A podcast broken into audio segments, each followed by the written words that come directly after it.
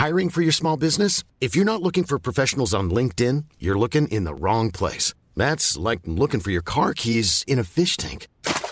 LinkedIn helps you hire professionals you can't find anywhere else, even those who aren't actively searching for a new job but might be open to the perfect role. In a given month, over 70% of LinkedIn users don't even visit other leading job sites. So start looking in the right place. With LinkedIn, you can hire professionals like a professional. Post your free job on linkedin.com slash people today. Hey, it's Ryan Reynolds, and I'm here with Keith, co-star of my upcoming film, If, only in theaters May 17th. Do you want to tell people the big news? All right, I'll do it. Sign up now and you'll get unlimited for $15 a month in six months of Paramount Plus Essential Plan on us. Mintmobile.com slash switch. Upfront payment of $45 equivalent to $15 per month. Unlimited over 40 gigabytes per month. Face lower speeds. Videos at 480p. Active Mint customers by 531.24 get six months of Paramount Plus Essential Plan. Auto renews after six months. Offer ends May 31st, 2024. Separate Paramount Plus registration required. Terms and conditions apply if rated PG. Millions of people have lost weight with personalized plans from Noom. Like Evan, who can't stand salads and still lost 50 pounds. Salads, generally, for most people, are the easy button, right? For me, that wasn't an option. I never really was a salad guy. That's just not who I am. But Noom worked for me. Get your personalized plan today at Noom.com. Real Noom user compensated to provide their story. In four weeks, the typical Noom user can expect to lose one to two pounds per week. Individual results may vary.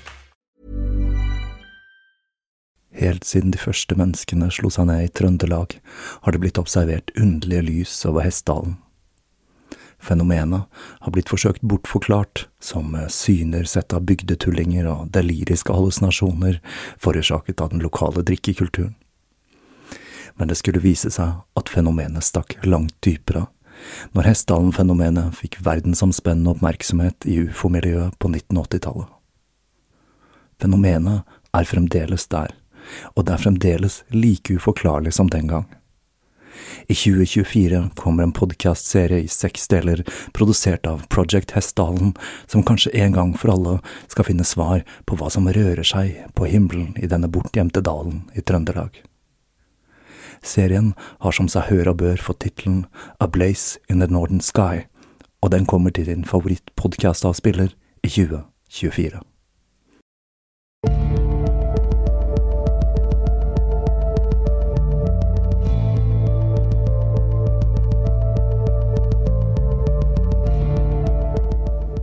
Hei og velkommen til Tåkeprat. Jeg heter Even, og når jeg tar opp denne episode 44, så er det søndag den 22. oktober 2017. Jeg får en del henvendelser fra lyttere som ønsker seg spesifikke tema eller kommer med tips. Disse faller da ganske ofte i én av to kategorier. Enten så er dette temaet jeg allerede har planlagt å lage en episode eller en serie på før eller siden, eller det er tema der det finnes for lite kildemateriale. For selv om det finnes mange spennende emner, så trenger jeg mer enn en artikkel eller et forum på nettet i arbeidet med disse episodene. For en liten stund siden så ble jeg kontaktet av en lytter som tipset meg om Johanne Sofie Fogner, en dame som var bestyrerinne ved et barnehjem i Kristiania på slutten av 1800-tallet. Hun var midtpunktet i en av de mest kontroversielle rettssakene i samtiden, og som i hvert fall i mine ører har paralleller til Elisabeth Bathory med hennes pikeskole. Her ble interessen min vekket, ikke minst fordi dette er et norsk tema, enda en ting jeg ofte får ønsker om, flere norske saker altså. Men norske emner jeg får lyst til å fordype meg i, faller dessverre ofte i kategorien med lite kildemateriell. Siden jeg har hatt to serier på rad er i ferd med å sette i gang med noe som har potensial til å bli en forholdsvis lang føljetong, så følte jeg også at det var på sin plass med en enkeltstående episode. Jeg fant raskt ut at eh, saken om frøken Fogner var et eh, grensetilfelle, for eh, det finnes ikke så altfor mange gode kilder. Etter noen kjappe nettsøk så oppdaget jeg at den beste kilden til livet og virket til frøken Fogner, utenom selve rettsdokumentene, var en artikkelserie i Dagsavisen fra 2016. Jeg innså at eh, for å kunne fortelle denne historien, så må jeg forsyne meg ganske grådig av disse artiklene, i så stor grad at jeg for å ha midt på det tørre tok kontakt med journalist Sissel Hoffeng i Dagsavisen. Hun ga meg grønt lys til å benytte serien i denne episoden, så jeg vil gjerne rette en stor takk til henne for det. Det neste var å få fatt i rettsdokumentene. Dette skulle heldigvis vise seg å være enkelt, for de blir publisert etter rettssaken av omfanget til denne saken, og denne publikasjonen finnes i Nasjonalbiblioteket, og den er skannet i sin helhet og tilgjengelig på nett. Men jeg skulle ønske det gikk an å skrive ut boken, da, for jeg liker å notere teksten og gule ut. Så hva er det dere er så redde for Nasjonalbiblioteket?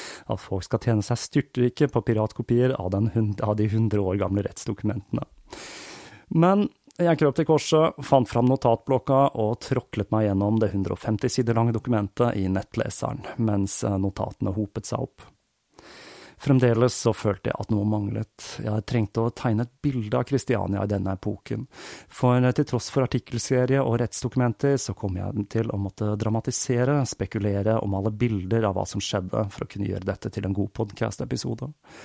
Og her så jeg mitt snitt til endelig å få presset inn litt skjønnlitteratur i Tåkeprat sitt leseregime. Jeg fant fram en bok jeg lenge har hatt lyst til å lese på ny, Knut Hamsuns gjennombruddsbok Sult fra 1890.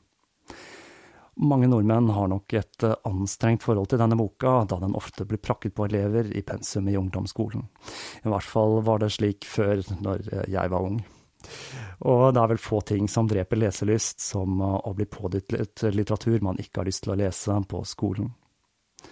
Men Sult er virkelig et mesterverk, en virkelig nasjonalskatt. Jeg skal ikke skryte på meg å være dypt bevandret i Hamsun, så vidt jeg kan erindre så har jeg kun lest August-triologien i tillegg til Sult, som jeg da til gjengjeld leste for tredje eller fjerde gang i forbindelse med denne episoden. Og det er ikke noe annet å si enn at Hamsuns språk, det er nærmest magisk. Sult er altså fortellingen om Hamsun som fattig forfatter i Kristiania.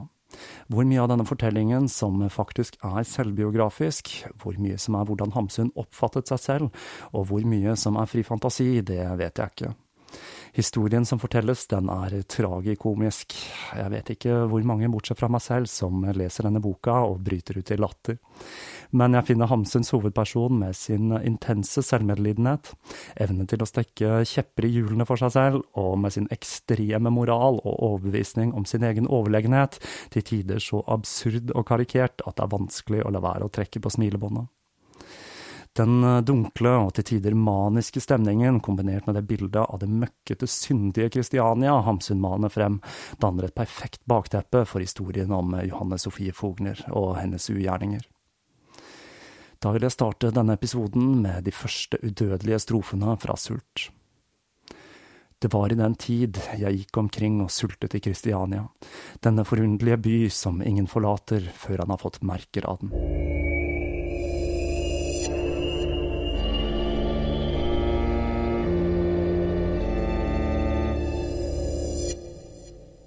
En enorm menneskemengde hadde samlet seg.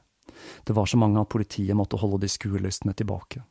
Det var den 23. november 1893. En av de mest bemerkelsesverdige rettssakene i Kristianias historie var i ferd med å begynne. Hestesko slo mot brosteinen idet vognen med den tiltalte rullet gjennom den stadig mer oppglødde menneskemengden og mot rettslokalet. Ukvemsordene begynte, noen kastet også stein mot vognen, men de ble raskt kuet av konstablene som kunne forsikre de om at kvinnen som satt i vognen skulle få den straffen hun fortjente i lagmannsretten. Ryktene hadde spredd seg, og nyheten om denne saken hadde nådd helt til den andre siden av Atlanterhavet. Avisene hadde skrevet om en grotesk mishandling av forsvarsløse småpiker som skulle ha funnet sted ved barnehjemmet. Noen av jentene skulle også ha blitt sendt til Amerika for å bli satt til tvangsarbeid. Vognen stoppet, og Johanne Sofie Fogner stirret utover folkehavet som tok henne imot med hånrop og forbannelser. Hun stirret stivt gjennom brilleglassene og mot døren til rettslokalet. Pøbel, tenkte hun for seg selv. De er alle pøbler, med alt hun hadde gjort for barna, for å gjøre de til respektable borgere. Med all omsorg hun hadde gitt, og med den gavmildhet hun hadde utvist, så var dette takken.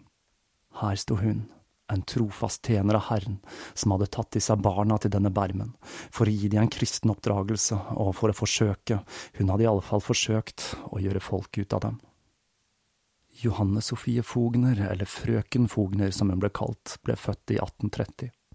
Hun kom fra det øverste sjiktet i Kristiania og fra en svært velstående familie. Faren satt på Stortinget, og broren var ordfører i Aker herred. Dette var da Norges mest folkerike kommune og lå i Akershus.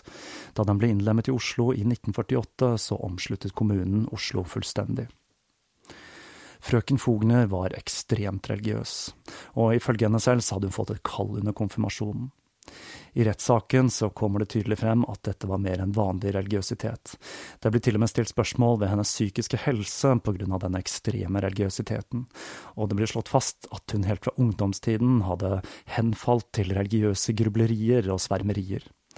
Denne religiøsiteten ser ut til å ha vært en slags blanding av kristendom, viktoriansk seksualmoral og et sykelig oppheng i renslighet og hygiene. Hun hadde flere ganger blitt behandlet med kaldtvannskurer mot nervøsitet og blodmangel ved Grefsenbad, noe som kan ha hatt en sammenheng med de senere valgene av torturmetoder. Hun hevdet at det var et kall fra Gud som ledet henne til å hjelpe vanskeligstilte, noe som gjorde at hun ble lærerinne. Først ved Allmøyskolen i Aker, og så ved Lindern skole for vanskeligstilte, hvorfra hun da hadde de beste skussmål. Men eh, hennes religiøse gjerning krevde et større offer, og i 1873 så bestemte hun seg for å starte et barnehjem. I 1873 så var ikke akkurat denne typen institusjoner regulert, og i motsetning til mentalsykehus, som var regulert av det offentlige, så var det bare å starte et barnehjem om man hadde lyst til det. Det var stort sett kristne organisasjoner eller bemidlede personer som sto bak denne typen institusjoner. Mentalsykehusene de ble da for øvrig regulert av sinnssykeloven, noe som vel høres relativt eh, politisk ukorrekt ut i 2017. Vel, frøken Fogner hun var både kristen, idealistisk og bemidlet, og hun startet opp med egne penger, til tross for at familien hennes motsatte seg det hele. Hun fikk så å si ingen støtte fra sine nærmeste når hun opprettet sitt barnehjem i Tårnhuset i St. Olavs gate nummer 23. Hjemmet ble godt tatt mot i offentligheten. Det ble sett på som et godt alternativ for barna som bodde der, enten de da var hjemløse eller av andre grunner ikke kunne bo hjemme. Fattige barn, det var det nok av i Kristiania. Forholdene som frøken Fogner sto tiltalt for, hadde funnet sted de siste fem årene av barnehjemmets historie, og det er grunn til å tro at den systematiske mishandlingen som fant sted ved hjemmet, var noe som utviklet seg og eskalerte i årenes løp. I rettssaken blir det eksempel påpekt at frøken Fogner hadde brukt Det kongelige norske bjørkeris til å rise jentene, og at det var først i de senere år at spanskrør og til slutt ridepisk var blitt tatt i bruk. Pisken hadde blitt kjøpt inn i 1891. Det er to begreper som dukker opp i denne historien som trenger en liten forklaring. Begge er straffemetoder benyttet ved barnehjemmet. Det første er bruk av tvangskjole. Tvangskjolen var rett og slett en tvangstrøye for jenter. Designet til denne den utviklet seg ved barnehjemmet i årenes løp, slik at den ble mer restriktiv. Det ble også sydd inn hemper, slik at barnet enkelt kunne festes med tau. Opprinnelsen til denne tvangskjolen var frøken Fogners frykt for at jentene skulle bli sinnssyke av såkalt selvbesmittelse, eller onani. I rettsdokumentene så kommer det fram at legestanden i Norge, i hvert fall de representerte i rettssaken, ikke helt kjøpte sammenhengen mellom onani og sinnslidelser. Men frøken Fogner var langt fra alene i dette synet. John Harvey Kellogg, en amerikaner som levde på samme tid som Fogner, var manisk opptatt av kampen mot onani. Han skrøt av aldri å ha hatt sex med sin kone, og de åtte barna de hadde sammen, var alle adopterte. Man brukte mange metoder for å stoppe onanering, som syre på klitoris hos jenter og omskjæring av gutter. Og for å kaste en brannfakkel inn i den debatten, så blir omskjæring av spedbarn uten medisinsk årsak utført som enten en del av pakten mellom den penisbesatte guden i Gamle testamentet og Abraham, eller som i mange tilfeller i USA, som en sedvane som har overlevd siden den store kampen mot onani. Kellogg var overbevist om at bl.a. blant annet kraftig krydret mat førte til slike lyster, og han designet en spesielt smakløs rett som skulle føre til at de som spiste den, ikke fikk seksuelle tanker, nemlig Kelloggs cornflakes. Der har du en fin historie å dra frem på neste julebord. At eh, Kellogg's cornflakes er en kur mot onani, er jo en fantastisk kunnskapsperle som bør imponere kollegaene stort midt i inntaket av årets juletallerken og lutefisk. Det andre begrepet vi må se litt på, det er eh, nebbebad. En ganske stilig ord som jeg godt kan forestille meg Harald Eias Oslo-lås bruke, som noe du får når du er nebbete, altså. Nebbebadet, det var enkelt og greit en neseskyll. For deg som ikke vet hva dette er, så kan du google neseskyllehorn, så ser du hva jeg mener. Men ved barnehjemmet så hadde de tatt denne praksisen til nye høyder med å konstruere sitt eget apparat med en slange som gjorde at de fikk en vannstråle med skikkelig fart i. Igjen så er det lett å forestille seg at eh, dette til å begynne med startet som en del av Fogners besettelse av renslighet og hygiene, men nebbebadet skulle etter hvert bli brukt som eh, straff, og inkludert etter hvert også isbad, hvor jentene også ble dukket under. Noe som begynner å minne mistenkelig om teknikkene som fikk Obama til å komme med tilståelsen We tortured some folks, for de som husker det. Frøken Fogner handlet heller ikke alene. Hun var overbevist om at ydmykelse var et ypperlig verktøy for å forme en gudfryktig sjel, og jentene ble oppfordret til å spytte på de barna som hadde fornedret seg med ting som sengeveting for å få de på rett vei. Hun hadde også flere hjelpere ved barnehjemmet, som frøken Sabro og Charlotte Foss, som også vitnet i saken.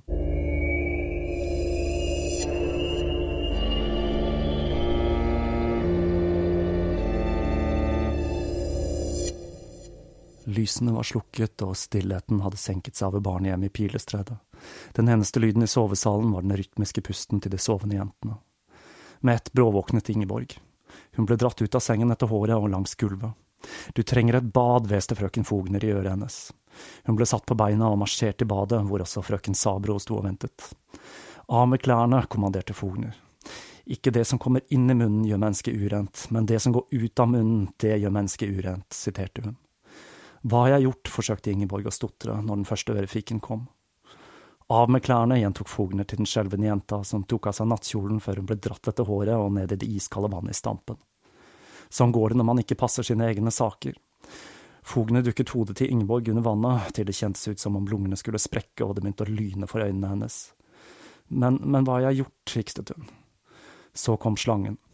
Sabro holdt hodet til Ingeborg mens Fogner presset åpningen inn i det ene neseboret og satte på vannstrålen. Smerten ilte gjennom kroppen til den vesle jenta som forsøkte å gispe etter luft. Enda en ørefik. Det gikk rundt for Ingeborg, det hele virket så fjernt, så uvirkelig, og hun segnet om på gulvet. De to damene bestemte seg for at dette var nok, og tørket av jenta før de sendte henne tilbake til sengs med en formaning om aldri igjen sladre på de andre barna når de gnisset på stolen. Ingeborg Christiansen var en av sju jenter som vitnet mot eh, frøken Fogner. Opprinnelig hadde det vært 13, men de seks andre hadde blitt avfeid som eh, upålitelige.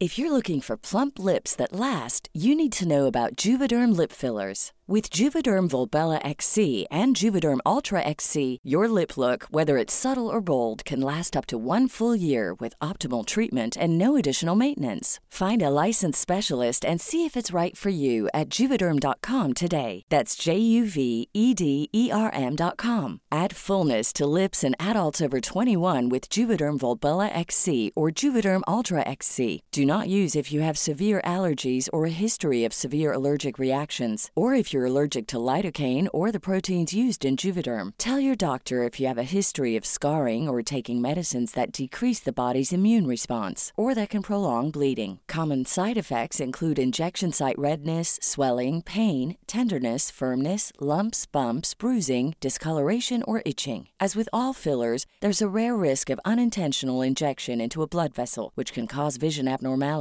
blindness, stroke, temporary scabs, or scarring. For full important safety information, visit juvederm.com.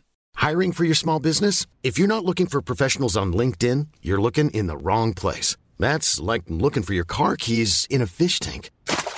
LinkedIn helps you hire professionals you can't find anywhere else, even those who aren't actively searching for a new job but might be open to the perfect role. In a given month, over 70% of LinkedIn users don't even visit other leading job sites. So start looking in the right place. With LinkedIn, you can hire professionals like a professional. Post your free job on linkedin.com slash people today.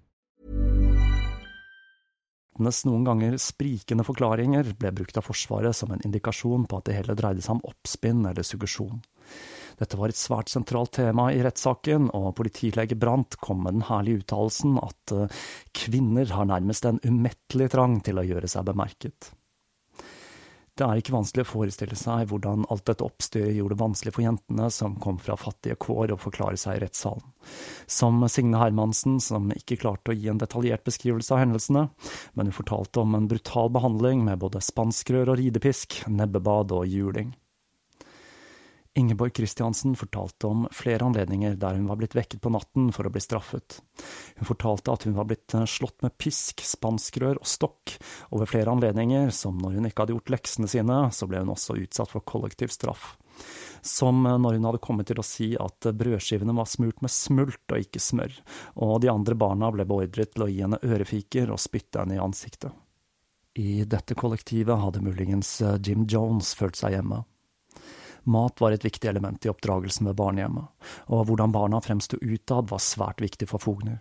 Familiemedlemmene som kom for å besøke barna, ble avvist og fortalte at de var for syke til å ta imot besøk, og det var alltid en representant fra barnehjemmet til stede om jentene var i kontakt med uteforstående. Straffene som ble utført, enten det var vanntortur, ørefiker eller ris, ga ingen permanente spor og var således lette å skjule fra offentligheten. De måtte på ingen måte fremstå som utmagrede eller syke, og det er i denne forbindelsen vi kommer over historiene om tvangsfòring. Da Johanne Ket Nilsen ankom barnehjemmet, så var hun svært avmagret, og hun nektet å ta til seg mat. I rettsprotokollene forklarer Forsvaret at dette skyldtes at de fattige var fòret opp på svart kaffe og brød, og slett ikke var vant til slik avansert kost som brød med pålegg. Jeg tror eh, Hamsun hadde hatt en ting eller to å si om den saken. For at det ikke skulle fremstå som at barna ikke fikk tilstrekkelig med mat ved hjemmet, satte Fogner i gang med et årelangt tvangsforingsprogram av Johanne Nilsen. Dette ble gjort ved at hun ble lagt på rygg med hodet over en vannbøtte og stappet i mat, for så å få hodet dukket under vann slik at hun svelget. Om hun kastet opp, så måtte hun spise oppkastet.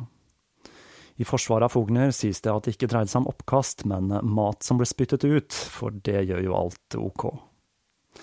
Denne teknikken med vannbøtten ble også brukt mot Elisabeth Møller, som ved en anledning hvor hun hadde kastet opp, ble fòret på den samme måten med sitt eget oppkast over vannbøtten mens hun ble tråkket på tærne. Dette med tråkking på tærne var enda en slager i husholdningen til frøken Fogner. Til dette hadde hun et eget par støvletter med høye hæler. Hun la all vekten på hælen på barnets fot og vred den fra side til side. En av jentene, Alfhild Halle, ble påvist å ha fått varige men av denne fottråkkingen, og den ene neglen hennes var blitt en såkalt katteklo, vil si den var blitt deformert.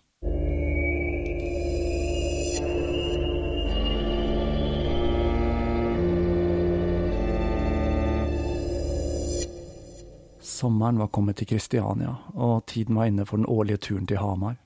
For jentene var dette en mulighet de aldri ville fått med sine egne familier, og et riktig privilegium forbeholdt borgerskapet, formante frøken Fogner mens de satt på toget og så på landskapet som gled forbi vinduet.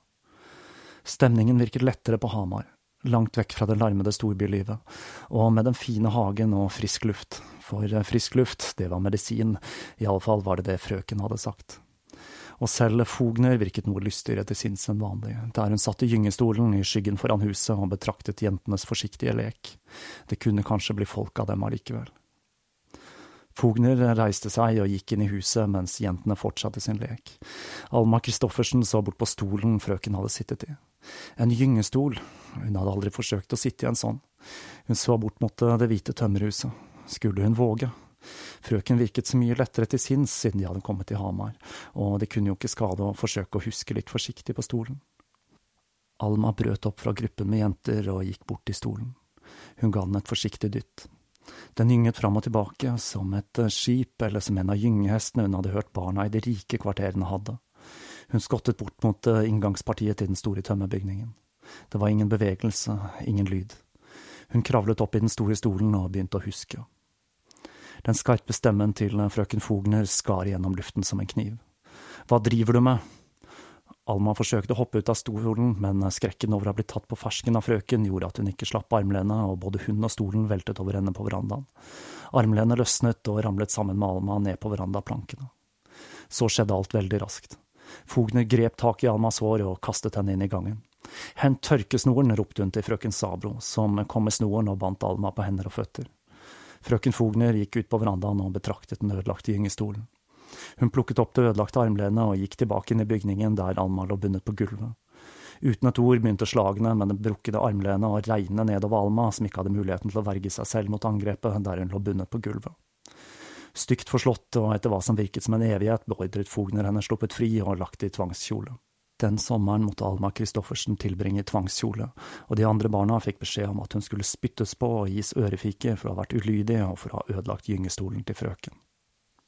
Mye av mishandlingen som blir omtalt i rettssaken, foregikk på Hamar, som da Alfid Halle hadde tråkket på en kylling i hønsegården og hun ble slått med spanskrør, utsatt for vanntortur og lagt i tvangskjole. Bruken av tvangskjole eskalerte, jentene ble lagt i disse perioder som kunne vare opp mot 14 dager.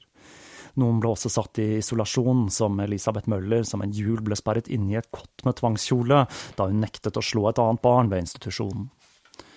Fogner hadde også fått seg en annen favorittstraff, nemlig det å klemme leppene mot tennene slik at huden nesten sprakk.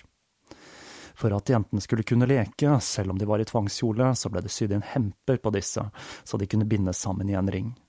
For meg så høres dette ut som et scenario drømt opp av Gilmo del Toro. Men eh, dette marerittet skulle ta slutt. Redningen for jentene skulle vise seg å bli en arbeidsinnvandrer, en eh, svensk snekker som påtok seg småjobber ved hjemmet. Han hadde lagt merke til at ikke alt var som det skulle, og ved flere anledninger så hadde han sett hva som foregikk. Han fortalte sin kone om hva han hadde sett. Han hadde henvendt seg til flere av jentene og sagt at om det ble for ille, så måtte de rømme og dra hjem, eller i verste fall komme hjem til han så han kunne hjelpe. Straffen for å ta kontakt med sin egen familie, det var da pryl, nebbebad og ukevis i tvangskjole. Jentene var redde, men til slutt, i februar 1893, rømmer den 16 år gamle Alma Christoffersen til Johansen, som starter en kampanje for å gjøre forholdene ved hjemmet kjent for offentligheten.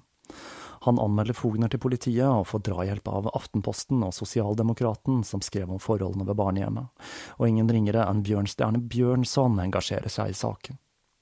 Like etter rømmer Janna og Olga Olsen til Johansson, og på vårparten så flykter også Ingeborg Kristiansen.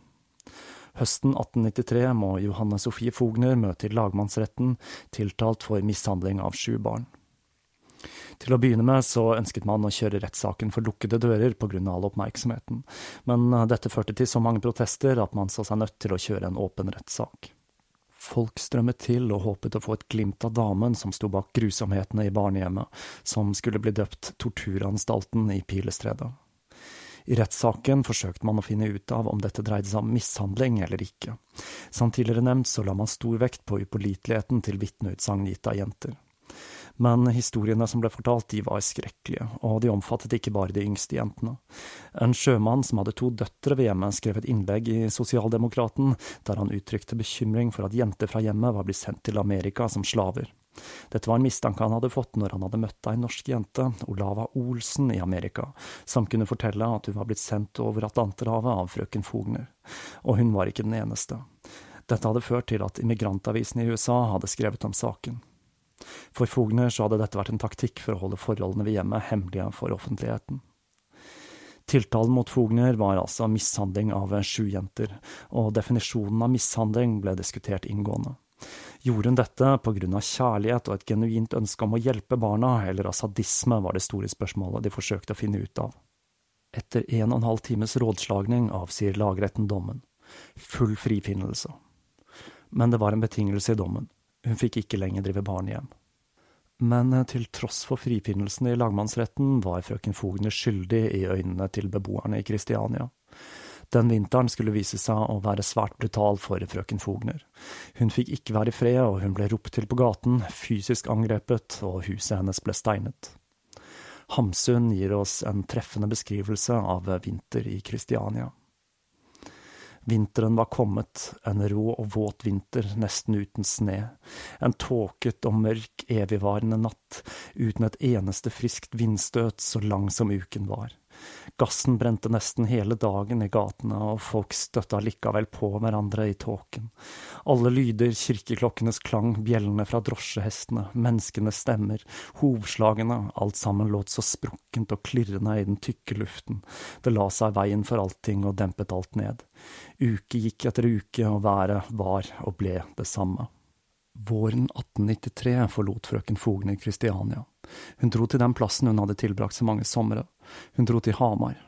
Men heller ikke her fikk hun være i fred. De lokale ungene hang på vinduet for å få en, et glimt av denne frøken Fogner, som nærmest hadde fått en legendestatus, og nå ble brukt til å skremme ulydige barn.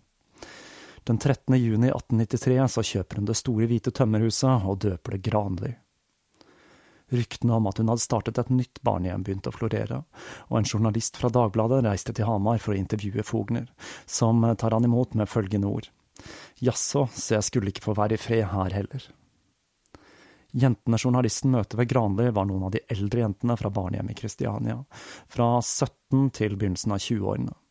Han skriver at de ikke så sunne ut, og konkluderer med at Fogner hadde startet et nytt barnehjem. Noe som ble tilbakevist av hennes advokat, som hevdet at jentene var der av egen frivillige.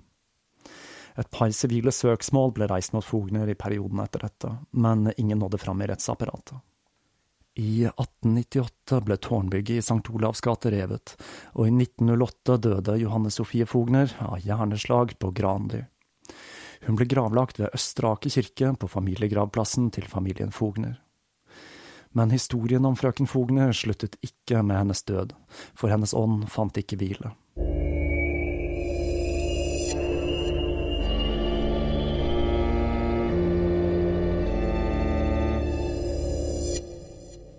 Fra 1910 ble Villa Granli brukt som middelskole, men i 1918 etablerte misjonsorganisasjonen Foreningen til motarbeidelse av omstreifervesenet et barnehjem i huset, som de døpte Eilertsunds barnehjem. Dette var en organisasjon som hadde fått i oppgave av staten å ta seg av tatte barn.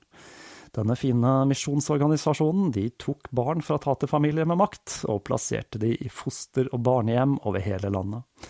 Og apropos bruk av ord her, um, tater er så vidt jeg forstår et nedsettende ord, i motsetning til sigøyner, som da er det ordet man i dag forsøker å unngå, så det føles ut som det er noe jeg har gått glipp av her, altså.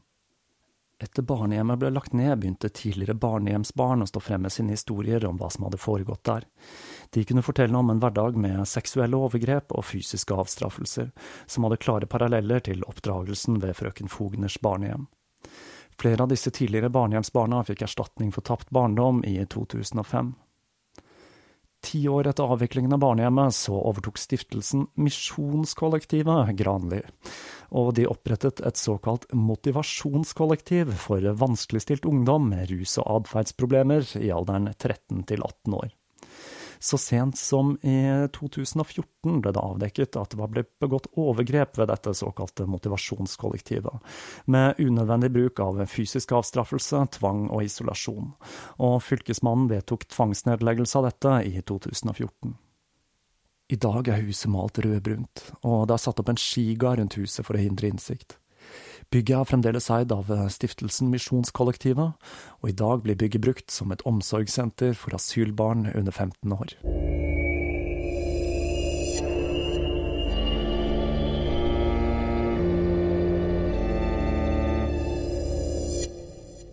Og det var historien om Johanne Sofie Fogner og hennes ugjerninger. Nå skal jeg ikke bli helt uh, åndenes makt her, men noen bygninger og plasser har en iboende følelse av uhygge.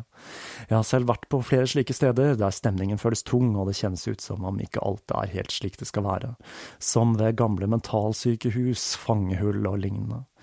Det er som om ondskapen har festet seg i veggene og aldri helt har forlatt bygningen.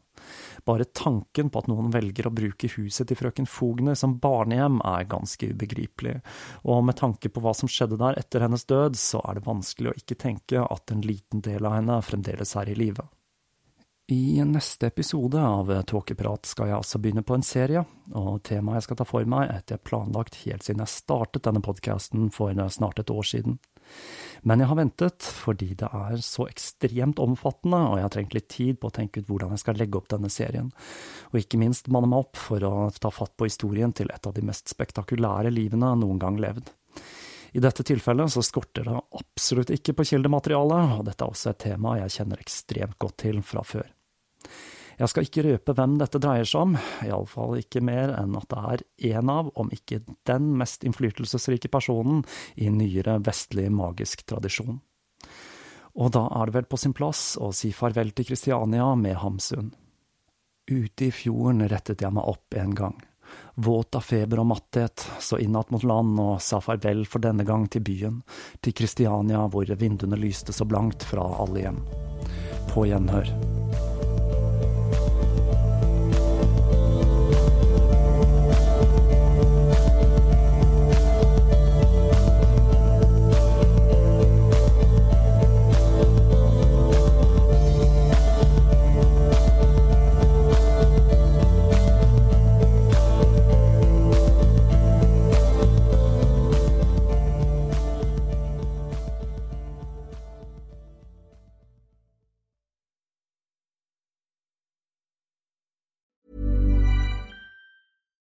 Hey, it's Paige DeSorbo from Giggly Squad. High quality fashion without the price tag. Say hello to Quince.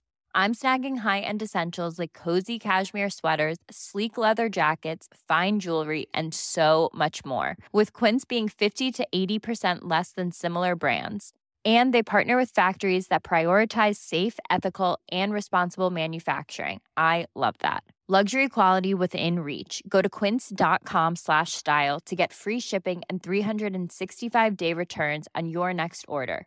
Quince.com slash style.